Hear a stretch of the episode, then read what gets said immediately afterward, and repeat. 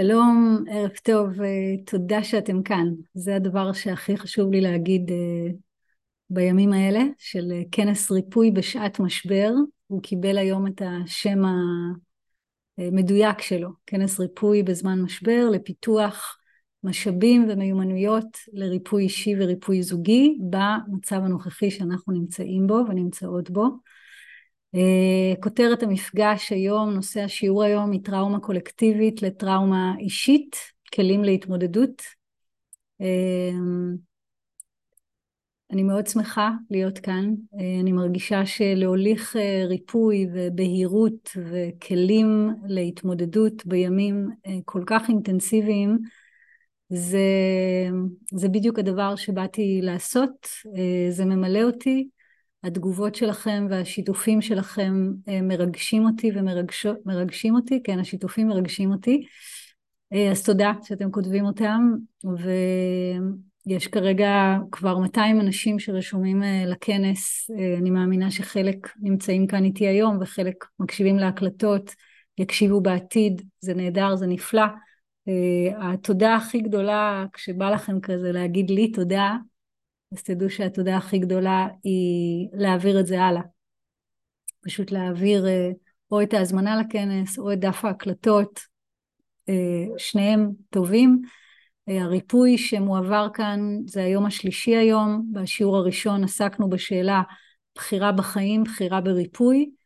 אתמול עסקנו בשאלה, בנושא זוגיות ומיניות בשעת משבר. והיום אנחנו צוללים לתוך הקשר שבין טראומה קולקטיבית לטראומה אישית. החומרים שיורדים כאן, גם השבוע וגם שבוע הבא, יהיו עוד שלושה שיעורים.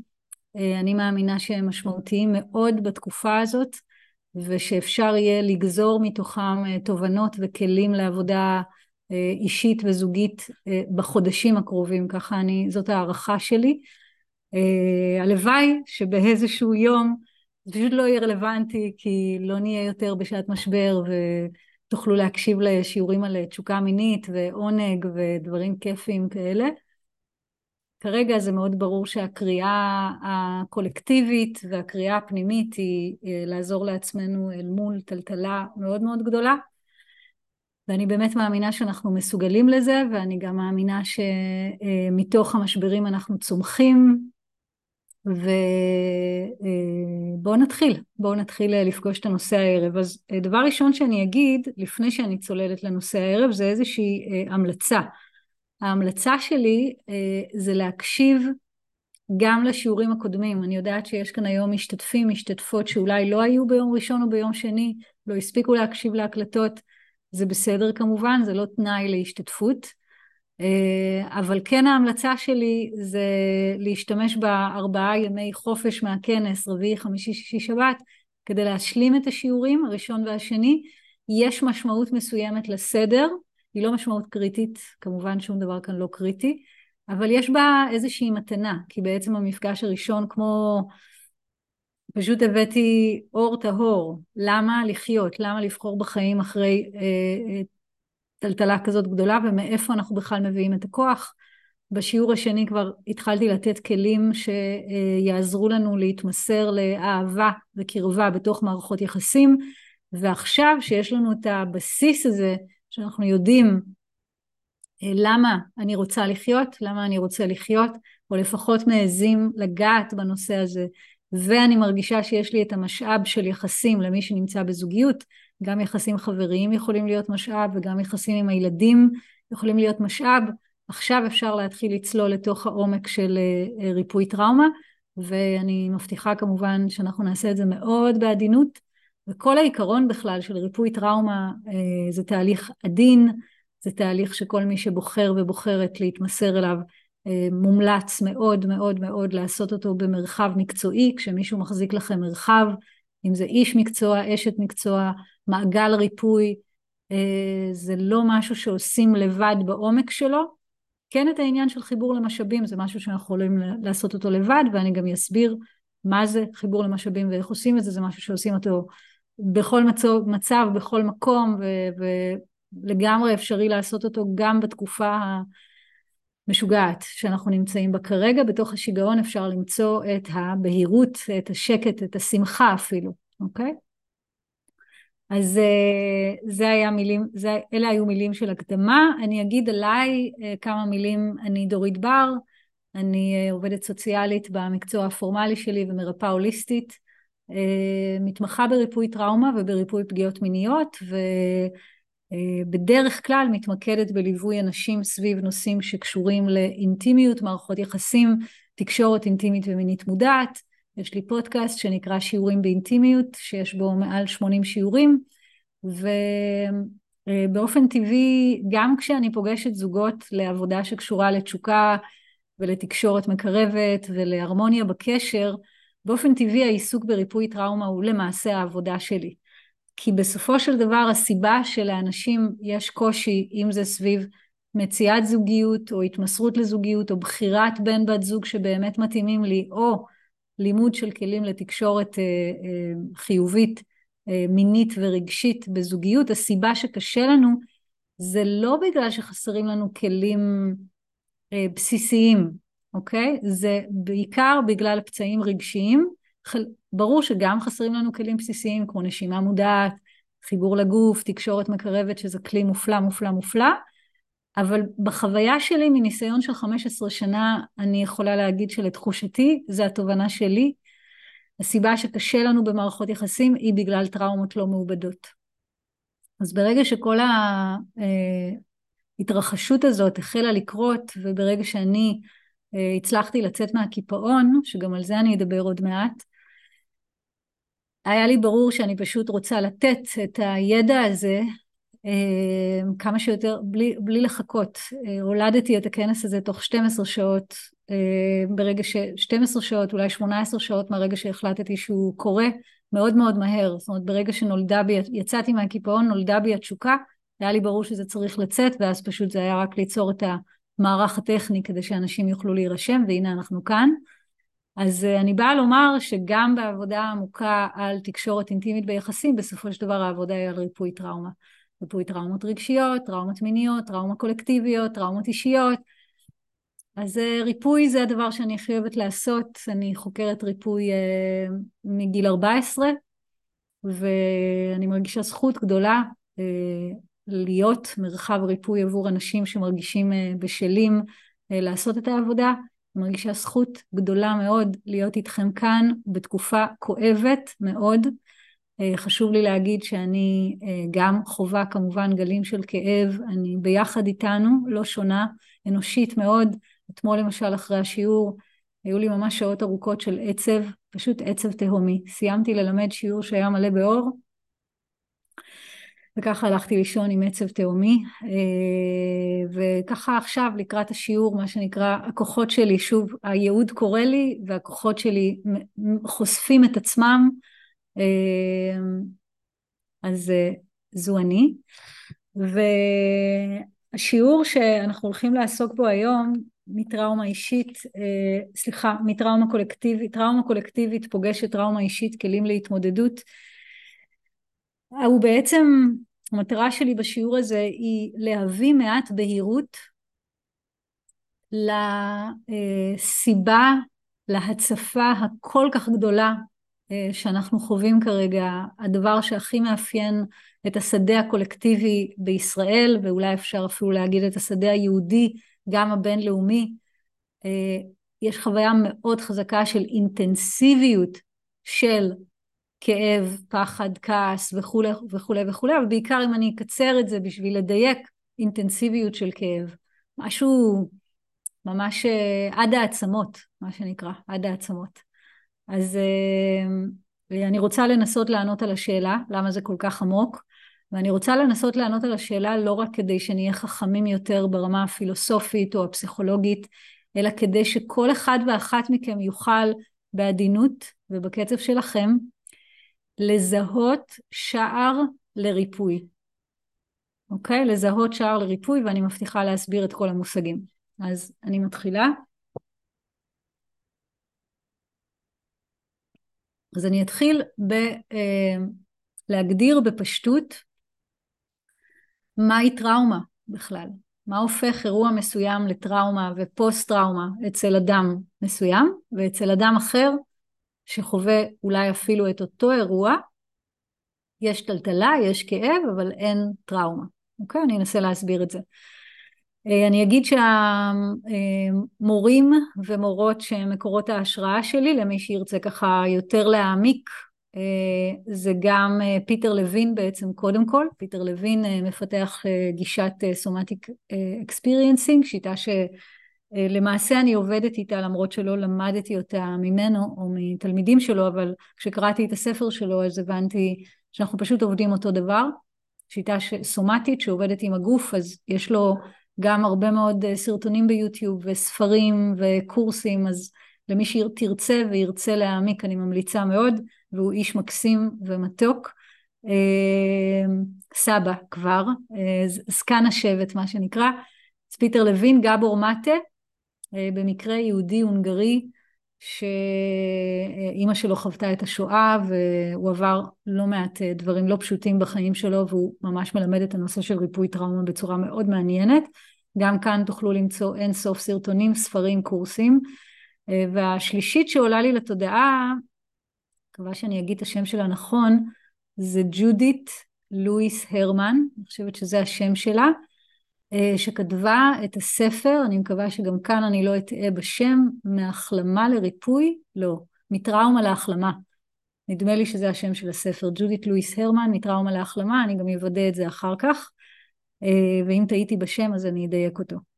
אה, שלושה מקורות השראה, יש כמובן עוד הרבה מאוד, אז ההגדרה שאני כרגע נותנת לטראומה היא כמו שאני מבינה, מכל מה שלמדתי זה מה שאני מבינה. טראומה היא מצב שבו רגשות ותחושות עוצמתיים כתוצאה מאירוע מטלטל ומשמעותי לא עברו עיבוד, זה, זה בעצם הטראומה, אוקיי? כלומר, אני עוברת איזשהו אירוע מטלטל, למשל, האירועים שאנחנו עוברים כרגע, אוקיי? כמדינה, כעם, כשבט, כרגע אנחנו עוברים אה, טלטלה משמעותית, אין שאלה. לא כולנו נפתח אה, חוויית טראומה ופוסט טראומה, אוקיי? לא לכולנו זה יקרה. למה? כי חלקנו אה, יהיו לנו המשאבים, הכוחות והיכולת לבחור בריפוי. מי מבינינו שיבחר בריפוי יוכל לעלות על הגל של המשבר הנוכחי ולצאת חזק יותר, חכם יותר, חופשי יותר, אוהב יותר וכולי. מי שלא, תזכרו שהעמדה כאן היא אה, לא שיפוטית בכלל, כל אחד לפי כוחותיו, רצונותיו ובחירותיו. אה, מי שלא, מי שלא יעשה את הריפוי אל מול הסיטואציה הזאת יחווה אה, פוסט טראומה ללא ספק, יחווה את הסיטואציה כטראומטית ואז כפוסט טראומטית ויהיו לזה השלכות בהמשך החיים. כמובן שההשלכות הן גם משתנות מאדם לאדם, אבל יש גם סימפטומים מסוימים ש... שכל האנשים שמתמודדים עם פוסט טראומה חווים אותם, אוקיי? עכשיו, אמ, אז אני מסיימת את המשפט שהתחלתי קודם, כולנו עוברים כרגע טלטלה גדולה ומשמעותית, מה שיבחין בין אנשים שיחוו את החוויה כמטלטלת אבל אני אצמח מהמשבר הזה לעומת אנשים שיחוו אותה כממש אה, צלקת שנשארת, לא יודעת אם לכל החיים, אבל לפחות לכמה חודשים או כמה שנים, זה האם אני אאבד את הרגשות והתחושות.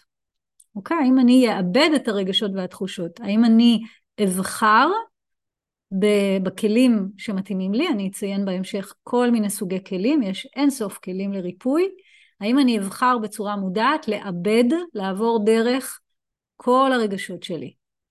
כל הפחד, כל העצב, כל הכעס, כל הזעם, כל החוסר אונים, כל האובדן, כל האבל, כל היגון, כל הצער, ותוסיפו, הרשימה הזאת היא כמובן ארוכה, אני קוראת לזה קשת הרגשות והתחושות. טראומה היא, אה, סליחה, אני מתקנת את עצמי, טלטלה, רג, טלטלה משמעותית היא הזדמנות אה, היא הזדמנות שאנחנו מקבלים מהחיים להרחיב את יכולת החלש, את, יכול, את היכולת שלנו לחיות. אני אנסה להגיד את זה שוב. אירוע מטלטל שקורה בתוך החיים, שהוא משמעותי לי, נותן לי הזדמנות להרחיב את היכולת שלי להיות אנושית, להרגיש עצב יותר לעומק, להרגיש אהבה יותר לעומק, להרגיש נתינה יותר לעומק, להרגיש קיבוץ יותר לעומק. תשימו לב, בטוחה שאתם רואים את זה בדיוק כמוני. אל מול החושך הגדול שבא עלינו לפני כ-20 יום, אולי פחות, פחות, שבועיים וקצת, אל מול החושך, מה אנחנו רואים בישראל כרגע? אנחנו רואים אור עצום, עזרה לזולת, דרכים יצירתיות לעזור לאנשים שהיו, נאלצו לעזוב את הבית, אמ, אין סוף ארגונים, תמיכה הדדית, אנחנו רואים גם הרבה מאוד אה, יופי אנושי, אוקיי? אני לא נכנסת כרגע בכלל לתגובות פוליטיות, זה לא מענייננו כשאנחנו עוסקים בטראומה קולקטיבית וטראומה אישית, אנחנו כרגע רק רוצים לענות על השאלה מה יעזור לי, לכם, לעבור דרך הטלטלה הזו ולצמוח ממנה. זה מבחינתי המטרה של המפגש.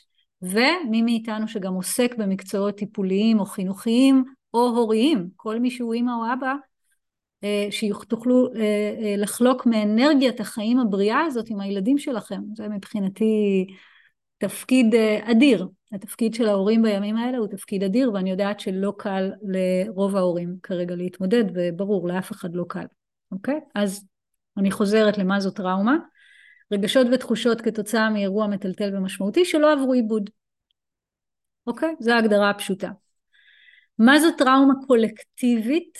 טראומה קולקטיבית כשמה כן היא, קל מאוד להבין אותה, זה כאשר אותה חוויה עוברת על קבוצה, ממש על קולקטיב, על קבוצה מאוד גדולה של אנשים, ובמקרה הזה הקולקטיב שאנחנו משתייכים אליו הוא מרובד, רב רבדים, רב שכבתי מה שנקרא, יש את הקולקטיב של היהודים שנרדפים אה, מאז ומעולם ונפגעים אה, אה, מעצם היותם יהודים, מסיפור עמלק שהתנ"ך מספר לנו וכמובן השואה והרבה דברים שקרו באמצע, אנטישמיות למיניה היא לצערנו תופעה ידועה מאוד וכואבת מאוד ואנחנו בין אם אני יהודית דתית, אם אני מחוברת ליהדות שלי או מנותקת ממנה לגמרי, מעצם היותי יהודייה, מה שנקרא הדרכון, דרכון ישראלי נגיד לצורך העניין, אבל יהודי לפעמים גם אין לו דרכון ישראלי, אז מעצם היותי יהודייה, אמ, יש אנשים שעשויים לרצות לפגוע בי, אוקיי? יש שם טראומה קולקטיבית. יש את הטראומה של הישראלים, אוקיי? שכרגע אנחנו חווים את זה, האירוע הזה קרה בישראל, הוא לא קרה ליהודים אי שם אה, בארצות הברית, הוא קרה על אדמת הארץ ולכן גם ערבים ישראלים שגם נפג... חלקם אפילו יש כמה פגיעות של ערבים ישראלים במסגרת כל התופת שקרתה אה, גם יש ערבים בדואים ודרוזים שנלחמים בצה"ל. זאת אומרת זה כבר רחב יותר מההגדרה של יהודים זה פשוט ישראלים. כל מי שישראלי כרגע חווה טלטלה חדירה למרחב, אה, פחד, איום על הביטחון וכולי. יש את הקולקטיב של נשים שחוות כרגע אה, פגיעה ישירה, בעיקר פגיעה מינית, אה, בגלל שהסוג הזה של הפגיעה שקרתה ועדיין קורית במסגרת החטופים כוללת בתוכה אונס. אז יש את הקולקטיב הזה. יש גם את הקולקטיב של גברים, אוקיי? אה, בעיקר גברים אה, שלוחמים, גברים ישראלים לוחמים, סוחבים במודע או שלא במודע טראומה קולקטיבית. אבא שלי מת בצבא, דוד שלי מת בצבא, אח שלי אה, נפצע, אה, בין אח שלי אה, או לא אח שלי, לא משנה, יכול להיות החבר שלי, אה, מתמודד עם הלם קרב, זאת אומרת, החוויה של להיות uh, גבר ישראלי, אוקיי? כוללת בתוכה, בין אם אני חייל עכשיו ובין אם לא, היא כוללת בתוכה את הטראומה הקולקטיבית הצבאית, וחשוב לי להדגיש, אין לי שום ביקורת על, בטח לא כרגע, על קיומו של הצבא הישראלי, אני חושבת שכרגע החיילים עושים, והחיילות, אה, כמיטב יכולתם כדי להגן עלינו, ואני מכירה תודה על זה. אה, בסוגריים הייתי רוצה שלא תהיה לחימה בעולם בכלל, אבל זה לא ספציפית לצבא הישראלי. אז יש טראומה קולקטיבית של גברים, ואם כבר הזכרנו טראומה קולקטיבית של גברים, אז היא לא רק טראומה קולקטיבית ישראלית. כי גברים נלחמים ונפגעים במלחמות מאז ומעולם, לא רק מאז שישראל קיימת, גם בפרה-היסטוריה האנושית. אה, ויש לנו כרגע, בכאב גדול אני אומרת את זה, יש לנו עכשיו גם את הקולקטיב של ילדים. זהו, בנקודה הזאת נגמרת לי הנשימה, מה אפשר לומר? ילדים כרגע, בתת מודע, גם במודע, עוברים טלטלה מאוד מאוד גדולה, בטח היהודים, אה, סליחה, הילדים בישראל, לא רק אלה שנפגעו פגיעה ישירה, יש כמובן את אלה, אה, בצער אני אומרת את זה, שנפגעו ומתו, יש את אלה שנפצעו, יש את אלה שנחטפו, אבל יש פשוט גם, וכל אלה אה, כבודם במקומו מונח, ואני שולחת ברכה וריפוי למשפחות שלהם, שיהיו להם כוחות להתמודד ולמצוא מחדש את כוח החיים. אבל יש גם את הילדים, מה שנקרא בעורף, יש פשוט ילדים שעכשיו נעקרו מבתיהם, אה, בגלל שהם גרו במקומות שכרגע אי אפשר לגור בהם. יש פשוט ילדים שלא נעקרו מבתיהם, אבל הם עכשיו חווים הרבה מאוד אזעקות באזור שהם חיים בו. אז יש כאן הרבה הרבה קולקטיבים, אוקיי? יהודים, ישראלים, נשים, גברים, ילדים, ואם אה, שכחתי איזשהו קולקטיב אתם אה, יכולים לכתוב בצ'אט ו... ואני אסתכל על זה ואוסיף את זה, אוקיי? זה מה שהתודעה שלי רואה כרגע. אז זה ברמה של הטראומה הקולקטיבית, וכל זה צף עכשיו אל מול האירועים האלה, שחשוב להגיד שהדבר שהכי קשה באירועים האלה זה שהם לא נגמרו עדיין, אוקיי? הדבר, הטראומה המאתגרת ביותר לריפוי היא טראומה מתמשכת. וזה כרגע מה שקורה. יש כרגע טראומה מתמשכת, אה, נגיד אם אה, אדם אה, חווה, לא יודעת, ילד חווה אירוע בריוני בבית ספר, דבר שהוא מאוד פופולרי וקורה בהרבה מדינות בעולם וגם בישראל, ילדים לעגו לו, השפילו אותו, אולי אפילו הרביצו לו, אבל האירוע הזה קרה פעם אחת. יהיה הרבה יותר קל לעבוד עם הכאב, יש, יש כמות קטנה יותר של רגשות ותחושות לאבד, לעומת אם הילד הזה חווה את הבריונות הזאת לאורך כל חטיבת הביניים או לאורך כל התיכון. וכרגע אנחנו נמצאים במצב של אה, טראומה מתמשכת, אה, טלטלה מתמשכת ולכן הסיכוי לפוסט טראומה הוא גדול יותר. אה, ושוב, הכל שאלה של אם נאבד כל אחד לפי יכולתו ובקצב שלו ולפי יכולתה את הרגשות והתחושות. אז קחו איתי נשימה עמוקה. זה הרובד של הקולקטיב, אני עוברת לרובד של הטראומה האישית. אני לוקחת נשימה.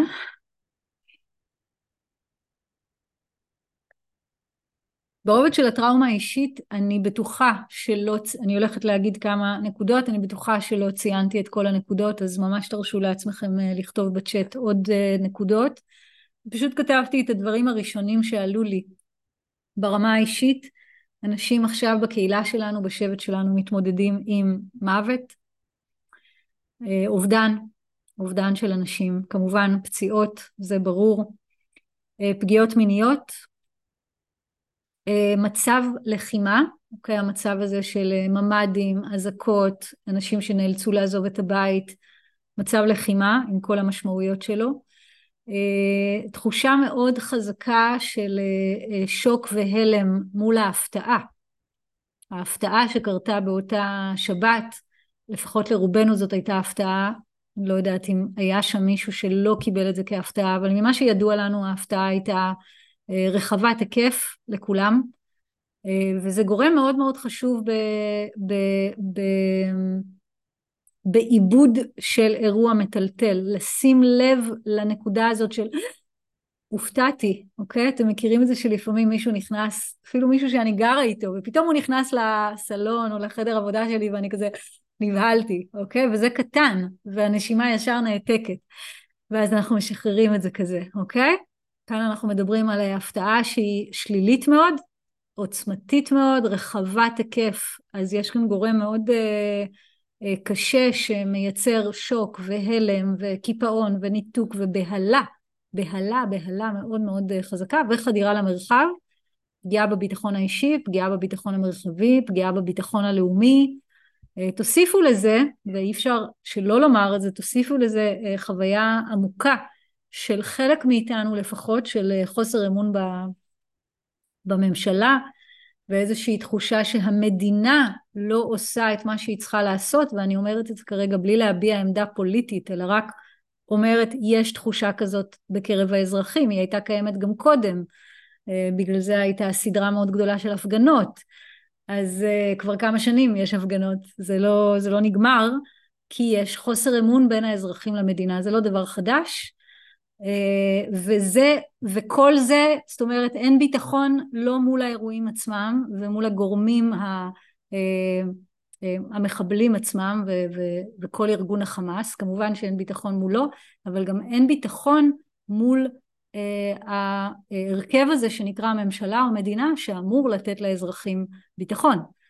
אז יש כאן משבר שהוא פשוט רב מערכתי, רב שכבתי. עכשיו קחו איתי עוד נשימה עמוקה, קחו כמה נשימות עמוקות. וקחו רגע, רגע להביט כל אחד, רק אם אתם רוצים כמובן, זה רק הצעה לתרגיל קטן, קטן עדין מאוד. קחו לכם רגע לראות האם אני נושם, האם אני נושמת,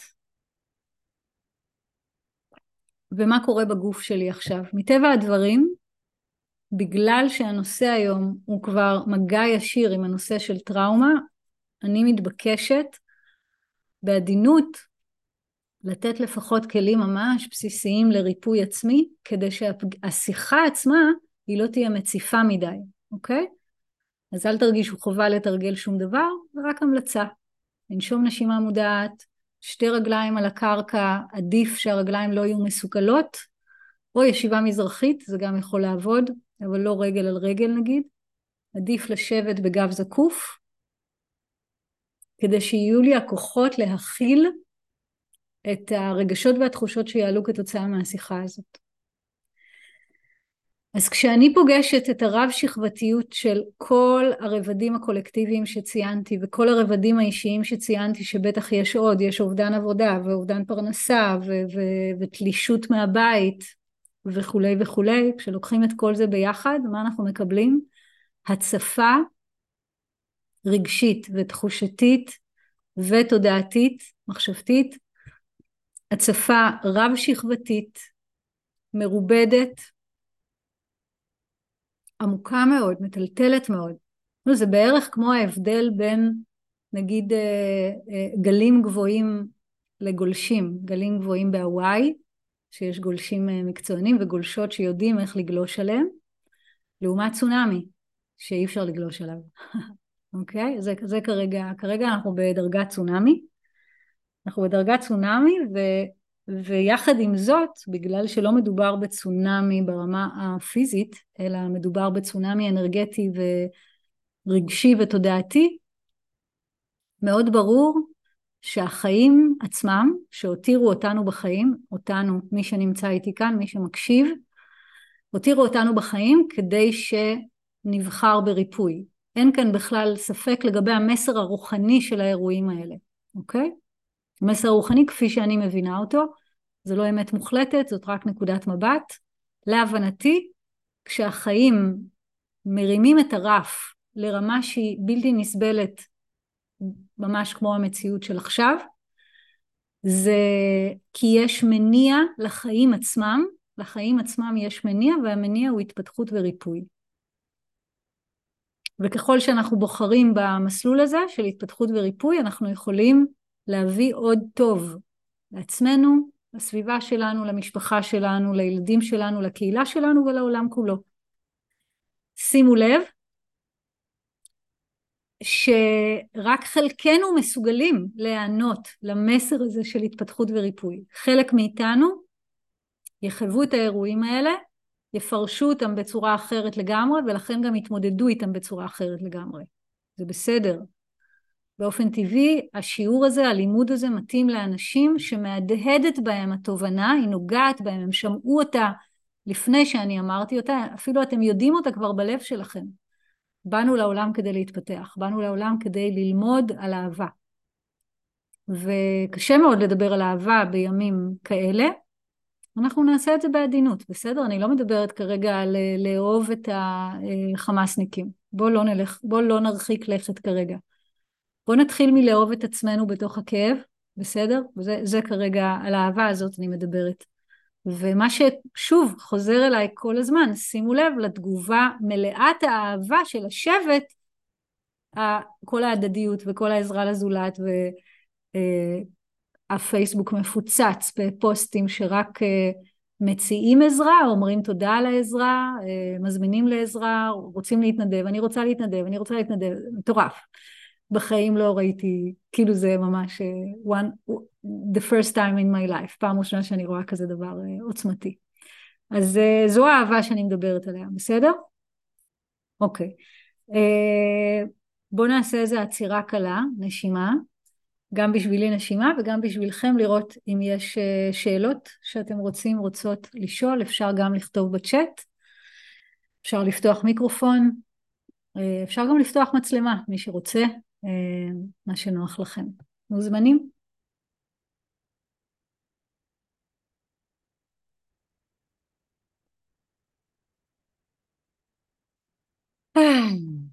וגם אם אין שאלה בינתיים, אפשר רגע לנשום, רגע לנוח, רגע לסדר את עצמי בכיסא, לראות שנוח לי, לראות אם אני צריכה איזושהי תנועה של הגוף כדי להכיל את כל האינטנסיביות, אוקיי? אחד התרגילים הפשוטים שאני גם מתרגלת בעצמי כל יום בימים האחרונים, אני רואה שזה ממש עוזר לי, זה לנער את הגוף. פשוט אה, לעמוד, על שטיח או על הרצפה, אם אפשר בלי נעליים אפילו עדיף, פשוט לנער, לנער, לנער, לנער, אז אתם יכולים גם לעשות את זה עכשיו. אה, לנער הכל, לנער את הראש, לנער את הכתפיים, לנער את הרגליים, את הישבן. אה, זה תרגיל ככה שעולה לי, עולה לי. בסדר, אין בינתיים שאלות, בסדר, אני מקווה שיהיו אחר כך, אני אוהבת שאלות, אני אמשיך. אני אמשיך ואני אתן עוד, אני מבטיחה שיהיו עוד הפסקות לשאלות, בסדר? אוקיי. אז uh, כשטראומה קולקטיבית פוגשת טראומה אישית, התוצאה היא uh, הצפה רגשית רב מערכתית, רב שכבתית, כמו שהסברנו, אוקיי? עכשיו, התגובתיות הטבעית וההישרדותית של המערכת שלנו, שלנו אנשים, אוקיי? שלנו אנשים, זה גם, גם אצל חיות אפשר לראות דרך אגב בדיוק את אותה תגובתיות, היא נראית קצת אחרת כי המערכ, המערכות שלהם יותר אוטומטיות, אבל פיטר לוין מדבר על זה הרבה, על, ה, על הדמיון שבין אה, אה, תגובה של אנשים ותגובה של חיות לטלטלה, אוקיי? אצל חיות זה נגיד כשרוצים לטרוף אותם, ואצלנו זה אותו דבר, מסתבר. אז התגובתיות הטבעית והמשותפת היא מה שנקרא שלושת האפים, אני בטוחה ששמעתם את זה כבר, Fight, אה, להילחם, Flight, לברוח או לרצות לברוח, וה F האחרון זה Freeze, לקפוא, אוקיי? התגובות הללו הן תגובות טבעיות. זו הסיבה למשל שה...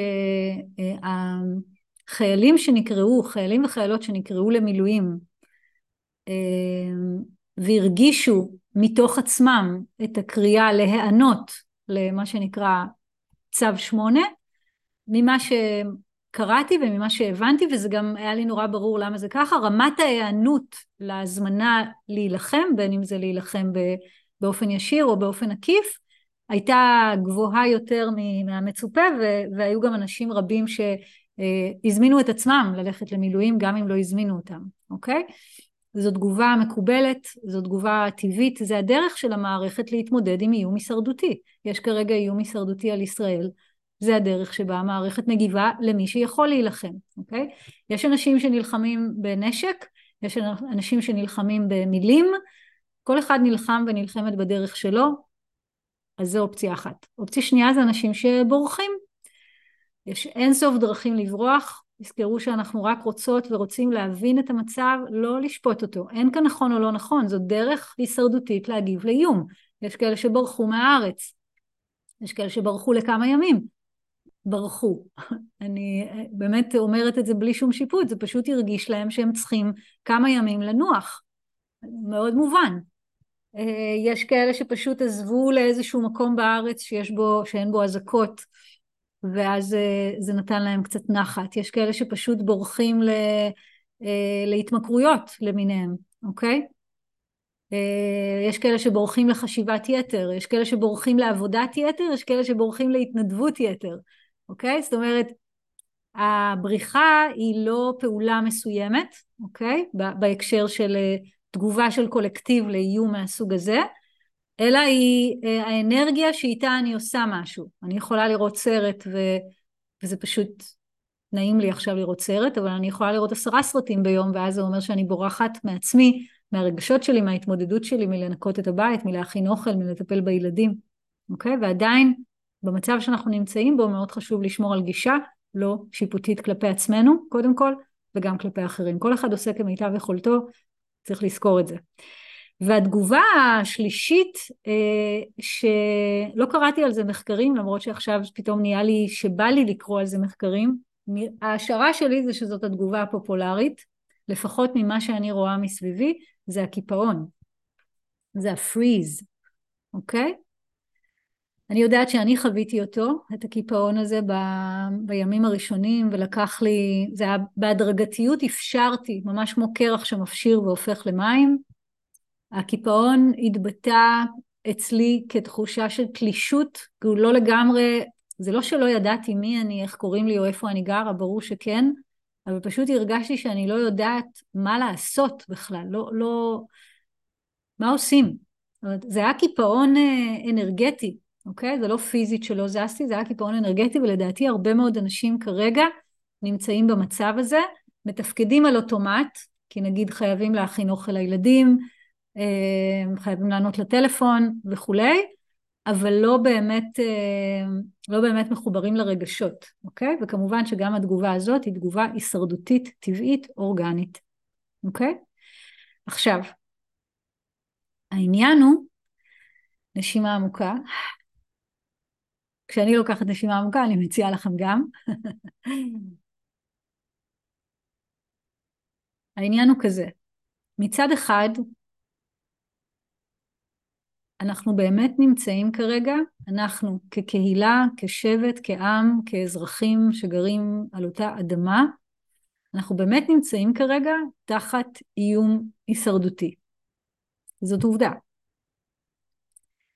יחד עם זאת, גם בתוך האיום ההישרדותי הזה, של אנחנו לא יודעים מה יהיה, ואם יבואו עוד אנשים רעים לפגוע בנו, ו... וכולי וכולי, ואם ייפול טיל על הבית שלי. בתוך זה, האחריות שלנו היא למצוא את הכוחות להתמודד עם המציאות, כי כמו שאנחנו רואים, כמו שהזכרתי קודם, הטלטלה היא טלטלה מתמשכת. זה לא, האירוע לא נגמר. ו, וכדי שאני אוכל אה, לזרום בתוכו הכי שאפשר במסגרת הגבולות של המצב כרגע, יש גם דברים שאי אפשר לעשות כרגע. אבל יש הרבה דברים שאפשר. אז ניצבת בפניי כרגע הבחירה, קודם כל, האם אני, האם אני יכולה לאבחן את עצמי? האם אני יותר באנרגיה של מלחמה, באנרגיה של בריחה או באנרגיה של קיפאון? קודם כל תזהו את עצמכם. זיהוי שמטרתו מה שנקרא אבחון, דיאגנוזה. זיהוי ללא שיפוט, שלב א', שלב ב', תשאלו את עצמכם בלב רך ופתוח ועדין ומתוק, האם אני רוצה ריפוי? האם אני רוצה, האם אני רוצה למצוא את הדרך גם בתוך המציאות הבלתי אפשרית הזאת? האם אני רוצה למצוא את הדרך להתחבר לכוחות ולמשאבים שלי? זאת שאלה מאוד אישית, זאת שאלה מאוד עמוקה, אתם מוזמנים לשאול אותה על בסיס יומיומי, במיוחד אם התשובה שאתם מקבלים היא אה, לא, עדיין לא, לא. תמשיכו לשאול, יכול להיות שיום, באחד הבקרים או באחד הימים, פתאום הנשימה תוכל טיפה להתרווח, אולי איזה קרן שמש תיגע בכם, איזה איזה שיחה עם חבר או חברה, אולי סשן ריפוי שתלכו אליו, אולי איזה מאמר שתקראו, או מוזיקה שתקשיבו לה, פתאום תיתן לכם את הכוח לבחור בחיים, אוקיי? כי בעצם מה הקטע עם הישרדות? בהישרדות אני עדיין נושמת, המערכות שלי עובדות, אני יכולה לאכול, אני מעכלת, אני, חיה, אבל אני חיה במינימום. וחיים במינימום, לגמרי אפשר לחיות ככה עד שאני אמות, עד סוף חיי, אבל הם חיים לא מספקים לנשמה, אוקיי? הם חיים לא מספקים לנשמה. אז אם אני, נגיד, אם אני עכשיו אה, אחד החטופים או החטופות, אין לי ברירה, כל מה שאני יכולה לעשות במקרה הטוב זה לשרוד, כדי שאני אוכל איכשהו להרים את עצמי משם ולהתפלל שאני אוכל לחזור הביתה. אבל אם אני לא, או אם אני חייל, למשל, אם אני עכשיו חייל או חיילת ואני צריך להילחם בקו ראשון, אני לא יכול עכשיו להתעסק בריפוי. לא, לא, לא. אני עכשיו רק יכול להתעסק בהישרדות, בלמצוא את הכוחות שלי, כדי שאני אוכל להילחם.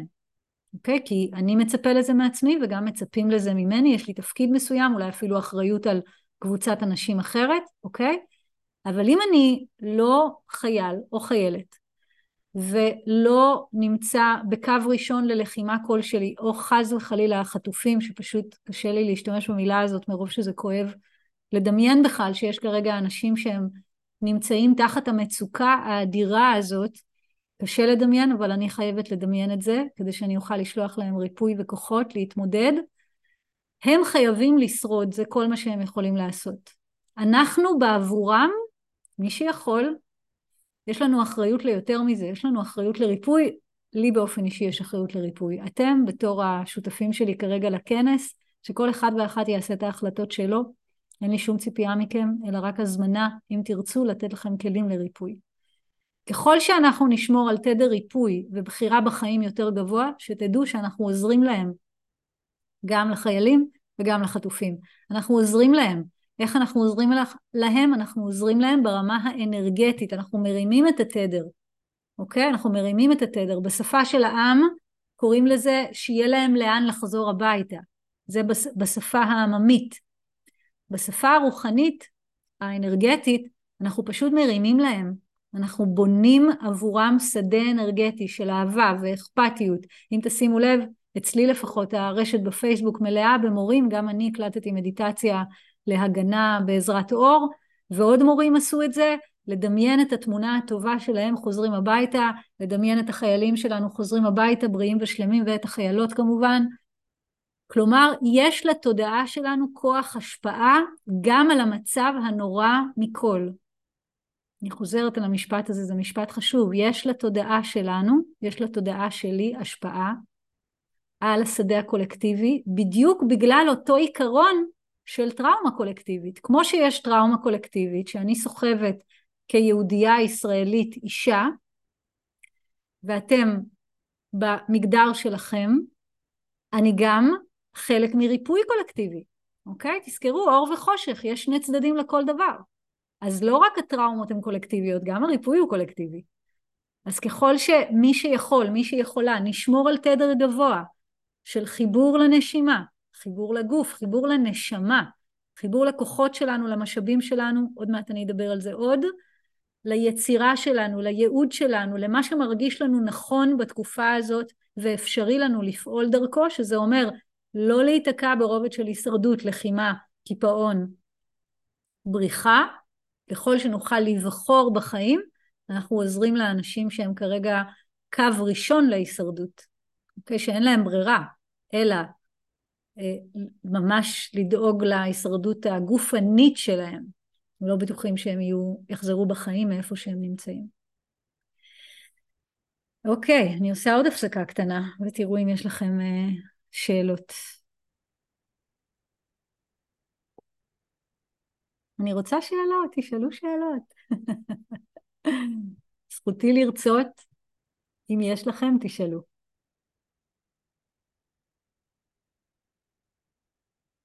אני בינתיים מסתכלת כאן בנושאים שהכנתי לשיעור, אה, בנקודות, לראות ככה שאמרתי את הדברים החשובים ולאן אני רוצה להתקדם מכאן.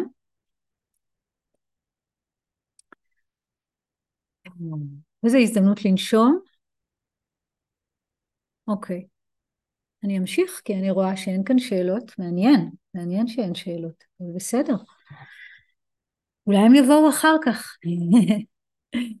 אמ, אז אה, בואו נתחיל לנוע לכיוון של ריפוי טראומה, אוקיי? בואו נתחיל לנוע לכיוון של מה שנקרא כלים להתמודדות. קראתי לזה כלים להתמודדות. אה, רגע לפני שאני אגיד, ידבר על זה, אני, אני כן נזכרת בשאלה שאישה שאלה אותי אה, לפני שני מפגשים, במפגש הראשון של הכנס, ואז אמרתי לה שזה לא מתאים באותו יום, אבל שאני אביא את זה לשיעור היום. אה, היא שאלה למה בעצם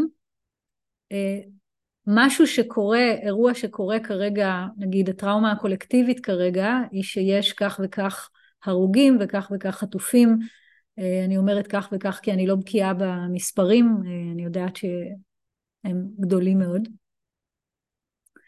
אה, למה אני מרגישה את זה כאילו זה קורה לי? למה בעצם אני כופת? למה קשה לי לקיים יחסים מיניים? כי עולה לי כאב של, של האנשים שנאנסו? למה טראומה קולקטיבית הופכת לטראומה או יותר נכון למה טראומה קולקטיבית הופכת לכאב אישי, זה יותר מדויק לשאול את זה בצורה כזאת. ועל השאלה הזאת אפשר לענות בכמה רבדים, אפשר לענות על זה ברמה של הנפש, ברמה של הרגשות. Uh, הסיבה שזה ככה זה פשוט כי אכפת לנו. אכפת לנו, אכפת לנו אחד מהשני. Uh, אנחנו uh, אומרים עלינו שאנחנו מיוחדים במובן הזה, העם הישראלי, אה, אני גם חושבת שאנחנו מיוחדים, אבל אני גם חושבת שיש כאן גם משהו הומני, משהו אנושי, אז בטח שיש כאן שוב משהו ישראלי יהודי של שותפות גורל, בטח, אה, ש, שפותחת את הלב ואת האכפתיות, אבל יש כאן גם משהו אנושי פשוט, אוקיי? אז אכפתיות זה הסיבה הראשונה. הסיבה שנייה זה שאנחנו אה, ברמה האנרגטית אנחנו שדה אחד. אנחנו שדה אחד של אנרגיה, וככל שאני חשה יותר שותפות גורל עם האנשים, השדה האנרגטי הוא יותר משותף. למשל, השדה האנרגטי של משפחה אה, הוא יותר קרוב אחד לשני והוא יותר מכיר אחד את השני מהשדה האנרגטי של נגיד כל תושבי האזור שאני גרה בו או העיר שאני גרה בה, אבל זה עדיין שדה אנרגטי אחד.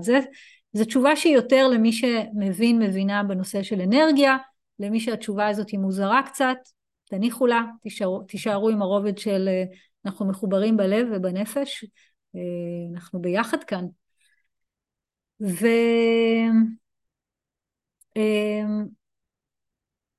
אה, נקודה בסוף משפט, זאת התשובה של למה טראומה קולקטיבית נוגעת, בכ... יוצרת כאב אישי, בגלל החיבור שלנו, גם החיבור הרגשי בינינו וגם החיבור האנרגטי בינינו, אוקיי? וככל שבגלל שיש כאן כמו שאמרתי, טראומה רב-שכבתית, בגלל שיש כאן כמה רבדים קולקטיביים שנוגעים בכמה כאבים אישיים, יהודים, ישראלים, נשים, גברים, ילדים, וכל הרבדים האישיים שדיברתי עליהם, אז ההצפה של הכאב האישי כרגע היא אה, אדירה פלוס פלוס פלוס פלוס, היא מאוד מאוד גדולה. אה, יש כאן שאלה אחת, בואו נראה מה היא אומרת. אה, יחיאל שואל מה לגבי קהות חושים. בהנחה שהבנתי את השאלה שלך, ואם תרגיש צורך אז תרחיב אותה, אתה שואל איך להתמודד עם קהות חושים? ממה שאני מבינה, קהות חושים אה, קשורה לחלק של אה, קיפאון, היא רובד מסוים בתוך קיפאון, אוקיי? אה, הרבה פעמים קיפאון הולך טוב יחד עם אה, ניתוק וקהות חושים, כמו אני כאילו לא מרגישה, אנשים ש... אה, כן, כאילו לא מרגישים. אה, אז זה קשור לרובד ההישרדותי של קיפאון, וכמו שאמרתי, אה, למי שחווה קהות חושים, ניצבת בפניך ובפנינו השאלה האם אני רוצה שזה ישתנה, האם אני רוצה לעבור מהרובד ההישרדותי לרובד ההתפתחותי, ואז ההזמנה היא בעצם לצלול לתוך מה שנקרא מרחב ריפוי. עכשיו, וכאן אני אתחיל לדבר בעצם על כלים להתמודדות. עכשיו שימו לב למילים מרחב ריפוי. כדי שיקרה ריפוי, כדי שאני אוכל לאבד את הרגשות והתחושות שלי, אני צריכה שיהיה לי מרחב, אוקיי? שזה אומר, יהיה לי קשה מאוד להתמסר לריפוי כשכל שעה יש לי אזעקה, למשל. לדוגמה, זה יהיה קשה מאוד. אם אני גר או גרה במקום שאני ממש מתמודדת עם הרבה מאוד אזעקות כל יום, אני לא אוכל כרגע להתמסר לריפוי, אני אוכל רק לשרוד ולהתחבר לכוחות שלי, שזה הרבה מאוד. אוקיי? מה זה אומר להתחבר לכוחות שלי? זה אומר לזהות בתוך המצב הקיים מהם המשאבים שלי.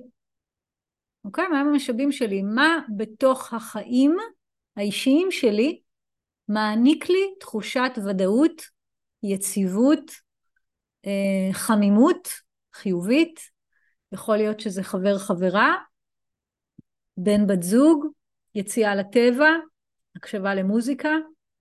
עבורי למשל העבודה שלי היא משאב, אבל היא לא המשאב היחיד.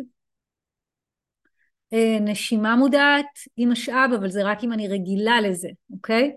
אם אני נגיד אה, מורה ליוגה, או אה, מנחה לריברסינג, אז אני מכירה את זה, ואז אני פשוט מזכירה לעצמי כלי שאני מכירה, אוקיי? אז משאבים זה לגלות, לזהות מהם הכוחות שיש לי עכשיו.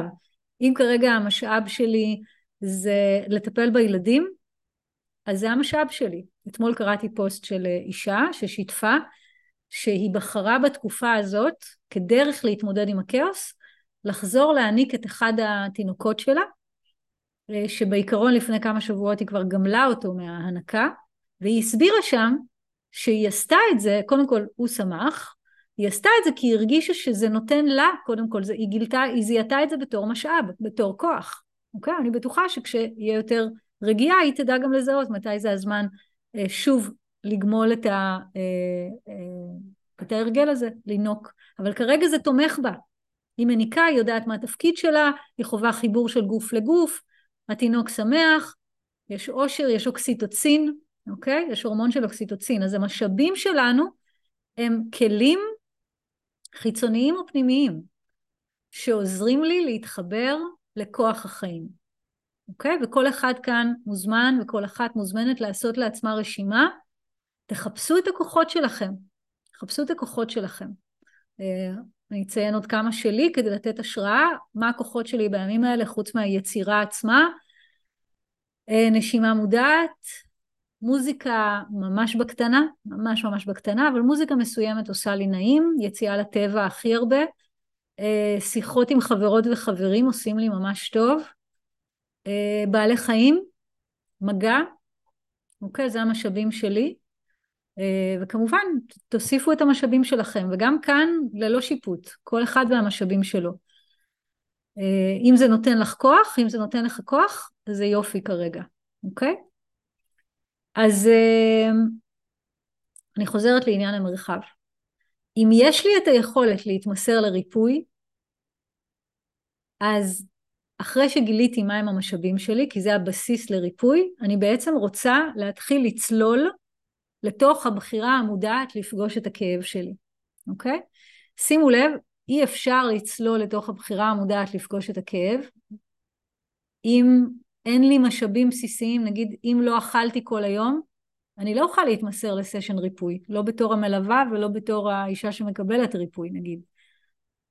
לאכול, לשתות, לישון כמה שאפשר, קשה לישון, לנוח, אוקיי? ריפוי צריך משאבים. גם הישרדות צריכה משאבים, ריפוי צריך אפילו יותר משאבים, כי הוא צלילה מאוד עמוקה לתוך הגוף. המתנה של הצונאמי הזה, ואני יודעת שאולי לחלקכם המילה מתנה תהיה צורמת, אבל אני אומרת את זה באחריות מלאה, לא ביקשנו את הצונאמי הזה, הוא הגיע. עכשיו אנחנו יכולים לפרש אותו כמתנה, אנחנו יכולים שלא, כל אחד לפי יכולתו. תזכרו שזאת לא אמת מה שאני אומרת, אלא רק נקודת מבט. המתנה של הצונאמי זה שאנחנו לא צריכים עכשיו בשביל הריפוי טראומה אה, לצלול לתוך תת המודע. כל הרגשות והתחושות שלנו הם על פני השטח, כולל קהות החושים. ניתוק קהות חושים זה רגש. זה רגש, וכנראה שזה רגש שנכח בחיים שלי גם קודם. ועכשיו הוא עולה מה... אה, אה, מהתגובתיות הרב שכבתית הזאת שדיברתי עליה קודם של טראומה קולקטיבית ואישית, הוא עולה לפני השטח כי הוא זמין שאני אפגוש אותו, שאני אפגוש את הניתוק שבתוכי, שאני אפגוש את הנטייה שלי לא להרגיש דברים, לשים באופן לא מודע כמובן שריון על הלב שלי, ברור שהשריון הזה לא התחיל לפני שבועיים, זה כנראה שריון שאני משתמש או משתמשת בו כשהחיים מרגישים לי too much, אוקיי, יותר מדי, ואז אני שמה על עצמי באופן לא מודע את השריון, ועכשיו הכל בפני השטח, אוקיי? אז המתנה של הצונאמי הזה זה שההזמנה לריפוי טראומה של המקומות, הרגשות והתחושות שלא איבדנו מהעבר, היא obvious, היא כאילו ממש uh, בפרצוף. אם לא נגיד עכשיו כן לריפוי, אי מתי, אוקיי? ושוב תזכרו, ריפוי מתאים למי שיש מרחב. מי שכרגע נמצא בקו ראשון להישרדות, אפשר רק לעזור לעצמכם לשרוד, לבקש עזרה מהסובבים וזהו. אבל מי שכמוני, אני גרה נגיד במקום שתודה לאל כרגע אין אזעקות במקום הזה, יש כאן אה, פרפרים וצרצרים וחתולים וכלבים, יש לי מרחב, אני יכולה להיות מרחב ריפוי, אני יכולה לאפשר לעצמי ריפוי, אני יכולה לאפשר ריפוי לאחרים, מתנה ענקית. אוקיי? אז יש לי את הזכות, אבל גם יש לי את האחריות. אז רק מי שיכול.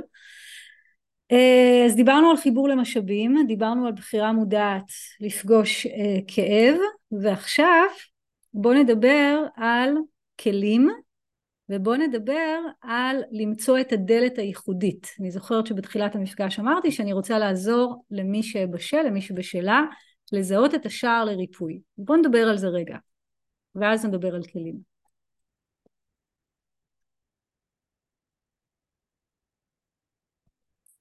כשישנה הצפה רב מערכתית כמו זאת שאנחנו חווים כרגע, שנובעת מה... הקישור, החיבור שבין טראומות קולקטיביות לאישיות למשבר לאומי נוכחי,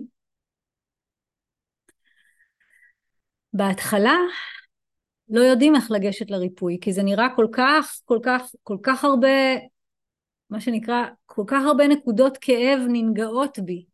גם זה כואב, וגם זה כואב, וגם זה מפחיד, וגם זה מח... כל כך הרבה, אז לאן, דרך איזה שער להיכנס, אוקיי? אז אני, אני אגיד שכדי לזהות באופן מדויק שער לריפוי, כדאי לקבל ליווי מקצועי. קשה לעשות את זה לבד. אני כן אנסה להסביר על קצה המזלג איך אני עושה את זה כשאני משרתת אנשים אחרים ותיקחו מזה מה שאפשרי לכם, אבל אם יש לכם אפשרות לקב... להתמסר לאיזשהו מרחב ריפוי מקצועי, דווקא בתקופה הזאת אני ממליצה בחום, סשן אישי, סשן קבוצתי, איתי, עם מישהו אחר, מי שתרגישו. אם לא, קחו את מה שאני אומרת להשראה לזמן אחר שבו תרגישו בשלים, אוקיי?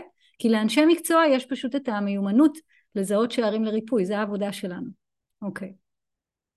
אז אני אתן אה, דוגמה מתהליך שהנחיתי היום, אני כמובן לא אציין שום פרט מזהה של מי שליוויתי, אה, אני אגיד את המינימום האפשרי כדי שרק תוכלו לקחת מזה את מה שרלוונטי לכם. אז אה, אותו אדם שליוויתי, אה, לא משנה מאיזה מגדר, אני אתייחס לזה כרגע כזכר,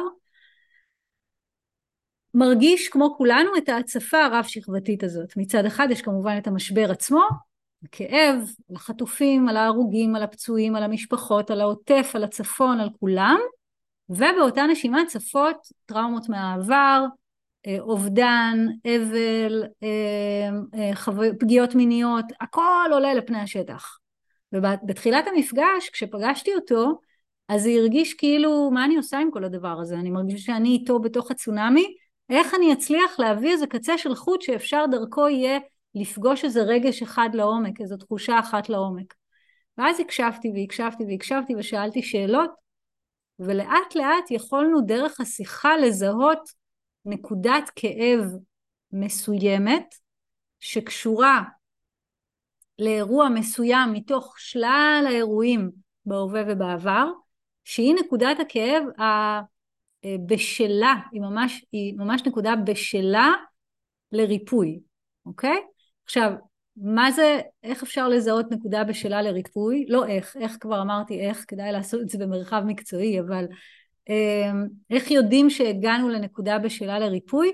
זה פשוט, זה מרגיש לנו שכשאנחנו אה, מזהים אותה, אני אתן גם דוגמה, כשאנחנו מזהות אותה או מזהים אותה, היא כואבת לנו במיוחד, ואנחנו יכולים להרגיש שיש סביבה הרבה מאוד אנרגיה, ולמעשה כל שלל האירועים רק כמו הזכירו לי שהיא הנקודה שכואבת לי, אוקיי? שזה בדרך כלל תהיה פוסט טראומה מסוימת מהעבר שבשלה לריפוי. אלא אם אני נמצאת בקו ראשון לפגיעה. זאת אומרת, אם עכשיו אני איבדתי בן, בת, זוג, ילד, דוד, קו ראשון, או אני חזרתי מלחימה וחבר שלי נהרג, אז יכול להיות שזה טראומה עכשווית, זה טלטלה עכשווית, ואם אני אעבוד איתה נכון לא תהיה פוסט טראומה. אבל אני שוב מדברת כרגע עם קהל שיש לו מרחב לריפוי, אז זה אומר שאתם לא בקו ראשון. אז בדרך כלל, מתוך כל ההצפה הרב שכבתית הזאת, אתם תוכלו לזהות לבד או בעזרה מקצועית שער לריפוי, שזה אומר אירוע מסוים פוסט טראומה שממש קוראת לכם, תיגעו בי, אני בשלה, הגיע הזמן. משהו במציאות העכשווית מזכיר לכם משהו מהמציאות של העבר, ואתם בשלים לגעת בכאב הזה, אוקיי? אוקיי, אני יודעת שלא הסברתי יותר מדי איך מזהים שער לריפוי, כי אני באמת מבינה שזה כבר דורש מרחב עבודה מקצועי וזה לא משהו שאפשר לעשות אותו במסגרת הכנס. אה, אני לוקחת עוד נשימה עמוקה ומאפשרת עוד אה, שאלות. בואו תראו אם יש לכם שאלות.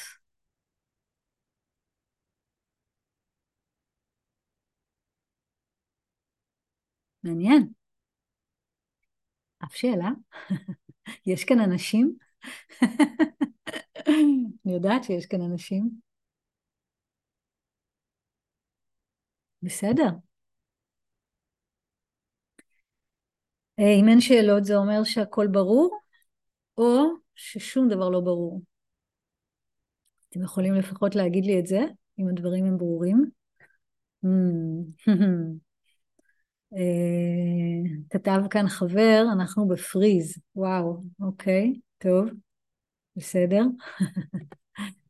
אה, אני מקשיבה, אני מקשיבה. קול ברור ועמוק, תענוג. אוקיי, אז יש כאן גם וגם, יש כאן גם אין שאלות כי הדברים הם ברורים, וגם יש כאן קיפאון במרחב. בסדר, אני מקבלת, אני, אני גם, אה, נשמע לי הגיוני, לא, בטח שלא ציפיתי שבשיעור ריפוי אני אמוסס כאן את כל הלבבות, וכן, זה ברור. אז תודה, תודה ששיתפתם, קודם כל זה מאפשר לי להרגיש רגע שיש איתי אנשים, גם אם אין לכם שאלות זה בסדר גמור, אני נושמת למי שמרגיש כרגע קיפאון, ומה שאני יכולה להגיד למי שמרגיש כרגע קיפאון או הצפה רב-מערכתית, כמו שקראתי לה, קחו כמה נשימות עמוקות. קחו כמה נשימות עמוקות. תבדקו רגע מה מתחולל בתוך הגוף. איזה אזור כרגע בתוך הגוף שלי פעיל יותר. נגיד, אני כרגע מרגישה בעיקר את האזור של הבטן העליונה, אוקיי? תראו איזה אזור אתם מרגישים כרגע בגוף. וברגע שאתם מזהים אזור בגוף שהוא יותר דומיננטי, קחו כמה נשימות לאזור הזה.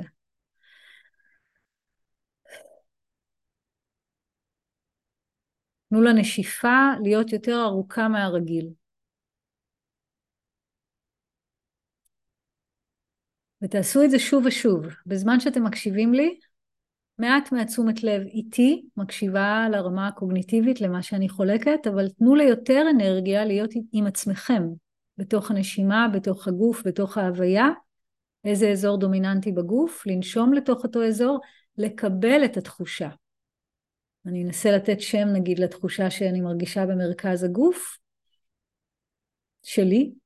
אני פשוט מרגישה אנרגיה חזקה בבטן העליונה, אפילו הייתי קוראת לה עוצמה.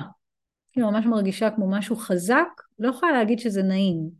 זה בין נעים ללא, זה לא נעים. אבל זה גם לא כואב, פשוט תחושה חזקה כזאת.